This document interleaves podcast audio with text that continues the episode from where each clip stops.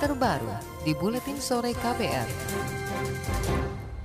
Saudara kapal rumah sakit Dr. Suharso yang membawa ratusan WNI ABK kapal pesiar World Dream tiba di Pulau Sebaru siang tadi. Ratusan WNI itu akan diobservasi selama 14 hari ke depan. Mengutip antara KRI Dr. Suharso menambatkan jangkar di sisi timur di antara Pulau Sebaru Kecil dan Pulau Pantara. Sekitar satu kilometer dari KRI Dr. Suharso, 990 terdapat dua kapal patroli dari Korpol Larut. Hingga pukul 2 siang tadi belum ada aktivitas dari KRI Dr. Suharso untuk menurunkan penumpang. Lokasi kapal dengan dermaga Pulau Sebaru Kecil sekitar 8 km. Pemerintah memastikan fasilitas di Pulau Sebaru Kecil di Kepulauan Seribu Jakarta memadai untuk proses observasi atau karantina terhadap 180-an warga Indonesia yang menjadi kru kapal pesiar World Dream. Sekretaris Direktur Jenderal Pencegahan dan Pengendalian Penyakit di Kementerian Kesehatan Ahmad Yuryanto mengatakan infrastruktur di Pulau Sebaru Kecil kondisinya masih sangat bagus karena dipelihara dengan baik. Pemerintah memilih Pulau Sebaru sebagai tempat observasi karena aman dan tidak berpenghuni. Itu tahun 2008 diresmikan oleh Pak SBY sebagai klinik rehabilitasi kecanduan narkoba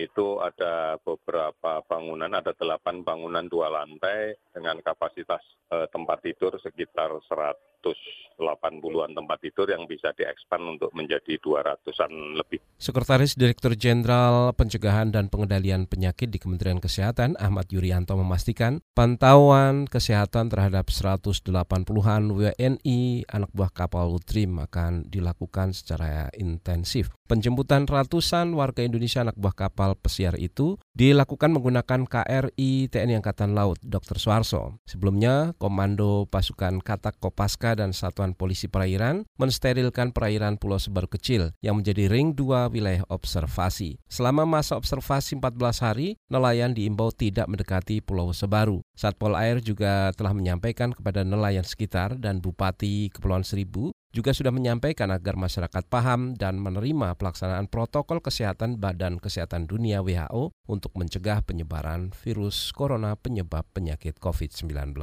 Saudara jamaah umroh asal Indonesia yang tengah menunaikan rangkaian ibadah umroh dilarang masuk ke kota Mekah, Arab Saudi. Larangan ini imbas merebaknya virus corona di sejumlah negara di kawasan Timur Tengah. Salah seorang ketua rombongan umroh dari Indonesia, Syahrial, mengatakan seluruh rombongan umroh dari berbagai negara tertahan di Bir Ali, tempat memulai niat sebelum melaksanakan umroh. Mereka tidak diperbolehkan masuk ke Mekah. Dikarenakan tidak diperbolehkan masuk ke Mekah. Dari pemerintah Saudi ada sweeping katanya selama 48 jam tidak diperbolehkan uh, jamaah itu masuk dari seluruh negara dan di antaranya Indonesia. Teman Salah seorang ketua rombongan umroh dari Indonesia Syahrial menambahkan saat ini ratusan bis dari seluruh negara masih tertahan di Bir Ali menunggu pengumuman dari otoritas setempat untuk masuk ke Mekah. Sebelumnya pemerintah Arab Saudi merilis aturan penangguhan kegiatan umroh dari jamaah luar negeri. Mereka khawatir penyebaran virus corona SARS varian 2 yang semakin besar akan masuk Arab Saudi melalui kegiatan-kegiatan kunjungan termasuk umroh. Sementara itu ratusan calon jamaah umroh yang terlanjur terbang menuju Arab Saudi dipulangkan ke Indonesia hari ini melalui Bandar Udara Soekarno-Hatta, Tangerang. Pemulangan ini merupakan imbas dari penangguhan sementara pelayanan umroh oleh pemerintah Arab Saudi. Otoritas Bandar Udara Soekarno-Hatta, Agus Haryadi mengatakan ratusan jemaah umroh itu sempat transit di Bandar Udara Abu Dhabi. Eh, penumpang yang uh, sudah berangkat kemarin posisinya berangkat jam 00, sedangkan maskapai tersebut mendapatkan notifikasi jam 2 dini hari, sehingga kemudian uh, posisinya mereka belum sampai sana. Kebetulan ini yang mengangkut salah satu maskapai tersebut adalah maskapai asing yang kemudian transit di Abu Dhabi. Nah hari ini jadwalnya mereka akan kembali sebanyak 134 itu. Otoritas Bandar Udara Soekarno-Hatta Tangerang Agus Haryadi menambahkan Bandara Soekarno-Hatta akan mengecek kesehatan ratusan orang yang dipulangkan itu. Langkah ini diambil untuk mengantisipasi ada tidaknya terpapar virus corona penyebab penyakit COVID-19. Hari ini sebetulnya dijadwalkan ada sekitar 2.600-an calon jemaah umroh yang akan berangkat dari Bandara Soekarno-Hatta. Kita ke informasi mancanegara, Saudara. Kementerian Kesehatan Iran meminta pihak berwenang membatalkan salat Jumat dan ibadah berjamaah lainnya untuk menekan penyebaran virus corona. Mengutip kantor berita Iran, otoritas kesehatan meminta semua kegiatan yang melibatkan orang banyak dibatalkan sampai pemberitahuan lebih lanjut. Iran menjadi negara dengan korban meninggal terbanyak setelah Tiongkok dengan 26 orang dan 245 kasus. Sejumlah pejabat penting Iran bahkan dikonfirmasi positif terinfeksi termasuk Wakil Presiden Iran Masameh Ektekar, Wakil Menteri Kesehatan hingga Kepala Komite Keamanan Nasional Parlemen dan Hubungan Luar Negeri Iran. You're listening to KBR Pride, podcast for curious mind. Enjoy!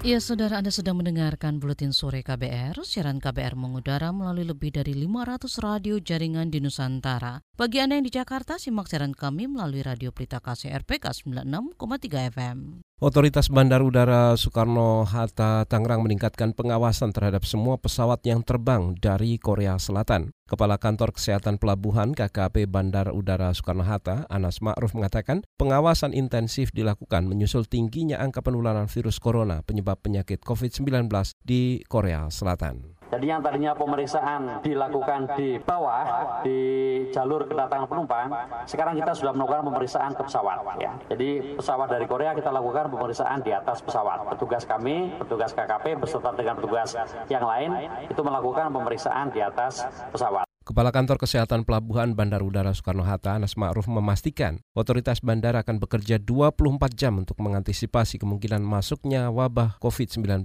melalui bandar udara. Bandara Soekarno-Hatta juga terus mengantisipasi dini pengawasan dengan menempatkan dua alat pemindai suhu tubuh para penumpang yang baru datang dari luar negeri. Di Korea Selatan, saudara, jumlah warga yang terkena penyakit COVID-19 mencapai lebih dari 2.000 orang. Kita ke soal lain, saudara. Sekitar 25 rekening identifikasi investor tunggal atau SID telah dibuka Otoritas Jasa Keuangan OJK setelah sebelumnya diblokir Kejaksaan Agung. Direktur Penyidikan Jaksa Agung Muda Pidana Khusus Kejagung Febri Adriansyah mengatakan 25 rekening itu dibuka karena Kejagung menilai tidak memiliki hubungan dengan kasus dugaan korupsi asuransi Jiwasraya. Menurutnya pembukaan rekening dari OJK ini dapat meredakan keresahan di pasar modal. SAD yang sudah kita mohonkan itu kita harapkan bisa cepat satu hari atau dua hari sudah selesai lah tetapi yang kita blokir akan kita bawa ke persidangan. 25 sudah dibuka ya? 25 sudah dibuka ya.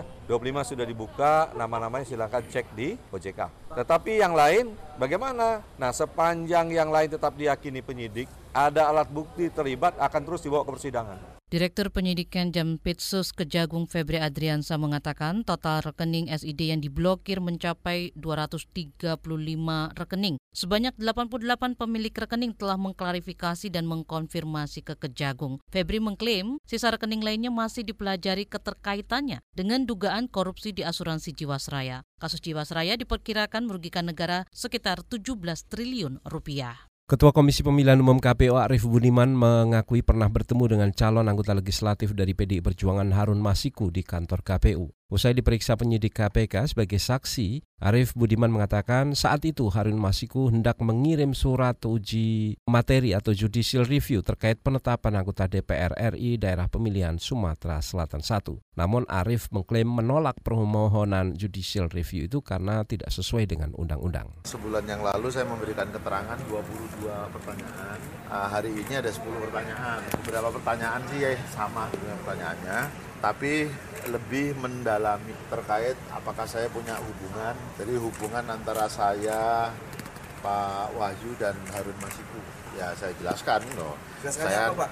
Saya, hah? apa? Ya saya nggak kenal Harun Masiku apa gitu ya.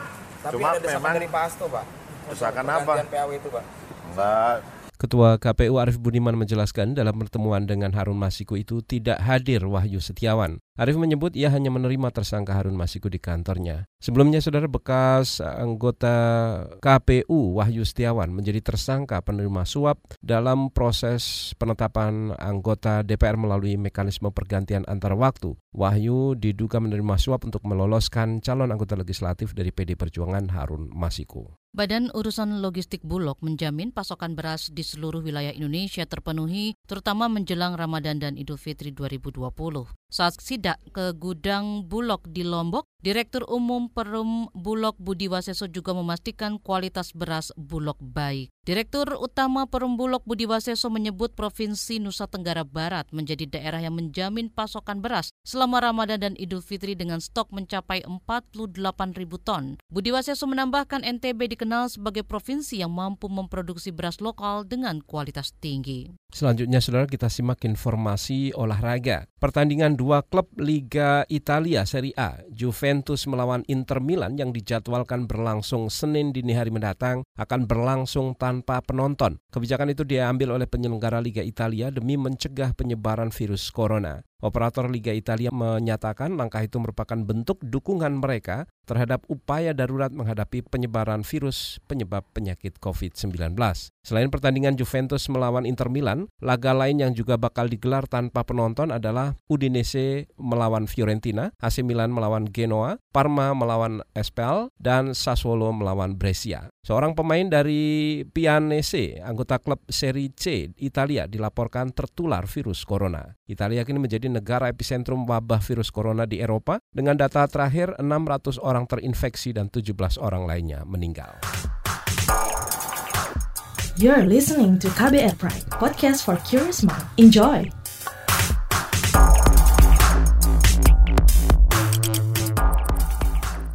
Saudara Anda masih mendengarkan buletin sore KBR, kita masuk ke segmen laporan khusus KBR. Warga Jakarta dan sekitarnya seakan tak putus dirundung banjir. Air bah rutin menerjang setiap tahun membawa kerugian besar pada banyak sektor. Sementara pemerintah masih minim solusi dan aksi. Berikut laporan yang disusun tim KBR dibacakan Astri Yuwanasari. Hari Senin turun, udah turun, selang satu jam lah datang lagi. Nah, yang keduanya lebih besar, sampai sepintu lah di sini, sepintu lebih parah yang tahun baru. Yang tahun baru itu kan saya di lantai di lantai duanya itu eh, sampai seleher saya. Banjir serasa bukan lagi bencana bagi Adi Siswanto. Rumah Adi di RW 7 Kelurahan Rawajati, Jakarta Selatan rutin kedatangan air bah. Terhitung sudah enam kali rumahnya kebanjiran sejak awal tahun ini. Memasuki Februari, banjir semakin sering melanda, terutama di akhir pekan. Nah, pas Februari ke sini, ini yang seringnya. Februari kemari udah 6, udah lima kali pas Februari aja. Banjir terakhir pada Selasa 25 Februari, bahkan hanya berselang sehari dari banjir sebelumnya. Adi dan warga sekitar belum lagi tuntas membersihkan lumpur dan menata kembali barang-barang. Selain warga Rawajati, ada puluhan ribu jiwa terdampak banjir Jakarta. Sedikitnya dua orang dilaporkan meninggal dunia. Gubernur DKI Jakarta Anies Baswedan berujar banjir selasa lalu merupakan banjir lokal, bukan kiriman. Anies kerap berkelit ketika ditanya strategi mencegah banjir – dan lebih banyak berbicara tentang penanganan dampaknya. Seluruh jajaran Pemprov bekerja di lapangan untuk satu membantu evakuasi daerah-daerah terdampak. Kemudian kedua, membangun pos pengungsian bagi di wilayah-wilayah yang terdampak itu, pos kesehatan dan pasokan kebutuhan pokok bagi seluruh masyarakat. Sementara itu, Menteri Pekerjaan Umum Basuki Hadi Mulyono menyebut Jakarta kembali banjir karena sistem drainase yang buruk. Memang drainasenya yang kapasitas drainasenya yang kecil dari volume air uh, intensitas hujannya. Rumah Sakit Cipto Mangunkusumo Jakarta ikut terimbas banjir. Sejumlah peralatan medis terpaksa dimatikan karena tergenang air. Alhasil, layanan radioterapi dan tomoterapi bagi pasien kanker tidak bisa dilakukan. Menurut Direktur RSCM Lis Dina Liastuti, beberapa pasien akhirnya dirujuk ke rumah sakit lain agar tetap mendapat layanan. Yang uh, sedikit kesulitan adalah MRI. Karena MRI kita juga punya satu lagi sebetulnya di Kencana, cuman daya tampungnya kan juga tidak bisa uh, eh, 100% menyerap yang dari pusat sehingga kita bekerja sama dengan rumah sakit lain. Demikian juga radioterapi karena ter, kembali terulang genang, genangan tersebut kita masih termatikan sehingga sekarang kita tetap tetap terpaksa juga harus uh, pengalihan ke rumah sakit lain. Banjir turut menghambat mobilitas warga. Layanan kereta komuter Jabodetabek dan bus Transjakarta sempat terhenti. Perjalanan kereta api jarak jauh dari Jakarta tujuan Jawa Timur dan Jawa Tengah mengalami keterlambatan hingga 5 jam. Banjir yang berulang kali menerjang sempat memicu kerusuhan di Mall Ion City, Cakung, Jakarta Timur. Warga setempat menuding keberadaan mall menjadi penyebab banjir di pemukiman sekitar. Menurut Kapolres Metro Jakarta Timur Ari Ardian, Kisruh terjadi karena tidak berjalannya komunikasi antara warga dengan manajemen mall. Ada masyarakat dari di sekitar Jakarta Garden Center ini yang datang untuk berkomunikasi dengan pihak uh, Jakarta Garden Center. Nah, tapi sebagian ada yang berkomunikasi, ya, ada yang mediasi, tetapi sebagian ada yang masuk ke mall, ya, dan melakukan pengerusakan. Ada beberapa yang dirusak. Dari hitungan ekonomi, dampak banjir juga tidak kecil. Kerugian yang harus ditanggung usaha kecil menengah di Jakarta ditaksir ratusan miliar rupiah per hari. Ketua Asosiasi UMKM Indonesia Akumindo Ihsan Ingratubun mengatakan banjir berimplikasi sangat luas.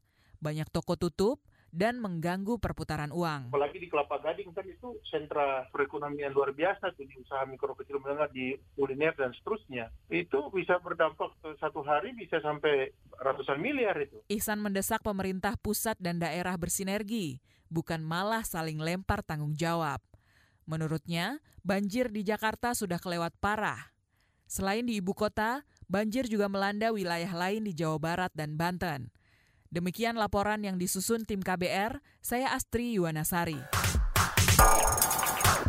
You're listening to KBR Pride, podcast for curious mind. Enjoy!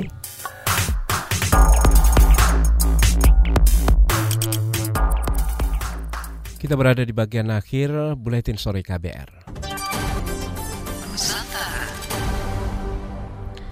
Aksi warga penolak tambang dari Kecamatan Pesanggaran Kabupaten Banyuwangi di depan kantor Gubernur Provinsi Jawa Timur sempat terhenti setelah belasan orang anggota Ormas tertentu mendatangi kantor LBH Surabaya. Direktur LBH Surabaya Abdul Wahid Hasbullah mengatakan kedatangan belasan orang anggota Ormas itu meminta agar masyarakat mengakhiri aksi unjuk rasa. Hmm, itu kan tujuannya agar warga nggak aksi gitu aja. Hmm makanya kan kemarin kita batalkan karena kan nggak kondusif akhirnya sekarang kan kita mau hasil lagi nah potensi itu ada kan jadi hmm.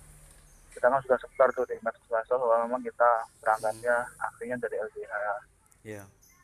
kemungkinan ya masih akan tetap sama mencoba untuk mengadakan dan menghadap potensi untuk itu. Direktur LBH Surabaya Abdul Wahid menambahkan telah berkoordinasi dengan kepolisian untuk mengantisipasi kemungkinan adanya kekerasan dari kelompok tertentu terhadap warga sumber mulyo yang menolak tambang. Abdul Wahid mengatakan warga akan terus menggelar aksi hingga Gubernur Jawa Timur Khofifah Indar Parawansa menemui mereka dan mencabut izin dua perusahaan tambang di Pegunungan Tumpang Pitu. Kita ke Papua, Saudara. Kepolisian daerah Papua menyebut penarikan pasukan non-organik dari Kabupaten Duga dilakukan dengan syarat ada jaminan keamanan dari pemerintah kabupaten itu. Pernyataan Kapolda Papua Paulus Wartepau itu menyusul permintaan penarikan pasukan non-organik dari Duga oleh Wakil Bupati Duga Wentius Nimiangge. Menurut Paulus, sebagai pimpinan di daerah, mestinya Wakil Bupati Duga membantu aparat keamanan menyelesaikan masalah di wilayah itu, bukan malah mengancam mencari suaka ke negara lain. Itu aja lo bantu, ungkap pelakunya, kan itu. Selesai barang itu. Bukan terus malah mempolitisasi, bikin ini, bikin itu, nah itu kan keliru. Jadi bingung kita. Minta sama Pak Wakil Bupati, nggak usah pikir yang begitu-begitu. Nah, jaga di masyarakat saja. Kapolda Papua Paulus Warterpau menyebut penempatan pasukan non-organik di Nduga karena terjadi serangkaian kekerasan yang dilakukan kelompok separatis bersenjata kepada warga sipil dan aparat keamanan di wilayah itu sejak akhir 2018 lalu. Hingga kini kelompok separatis bersenjata masih eksis mengganggu keamanan di sana. Sebelumnya kelompok separatis bersenjata menembak anggota BRIMOB yang bertugas di Nduga. Kita ke Aceh, saudara. Kasus kekerasan seksual terhadap anak di bawah umur meningkat di kota Banda Aceh. Kepala Kepolisian Resort Kota Banda Aceh, Trisno Rianto mengatakan, Di awal tahun ini saja ada enam kasus kekerasan seksual terhadap anak. Di 2018 kita melihat data ada 18 perkara tindak pidana percabulan dan percubuan terhadap anak di bawah umur. Dan di tahun 2019 ada 20 kasus sehingga ini ada ada peningkatan dua kasus. Dan di tahun 2020 sampai bulan ini sudah enam kasus. Berarti eh, ini kan cukup perlu mendapat perhatian kita semuanya. Kepala Kepolisian Resort Kota Banda Aceh Trisno Rianto menyebut kasus kekerasan seksual terhadap anak di Kota Banda Aceh mayoritas dilakukan oleh orang dekat korban, seperti keluarga dan tetangga. Ia meminta agar orang tua lebih waspada dan memperhatikan lingkungan tempat bermain anak. Ya saudara, berita dari Banda Aceh tadi menutup jumpa kita di Buletin Sore hari ini. Pantau juga informasi terbaru melalui kabar baru, melalui website kbr.id, Twitter kami at berita KBR, serta podcast melalui kbrprime.id. Akhirnya saya Fitri Anggreni. Dan saya Agus Lukman, kami undur diri. Salam. Salam.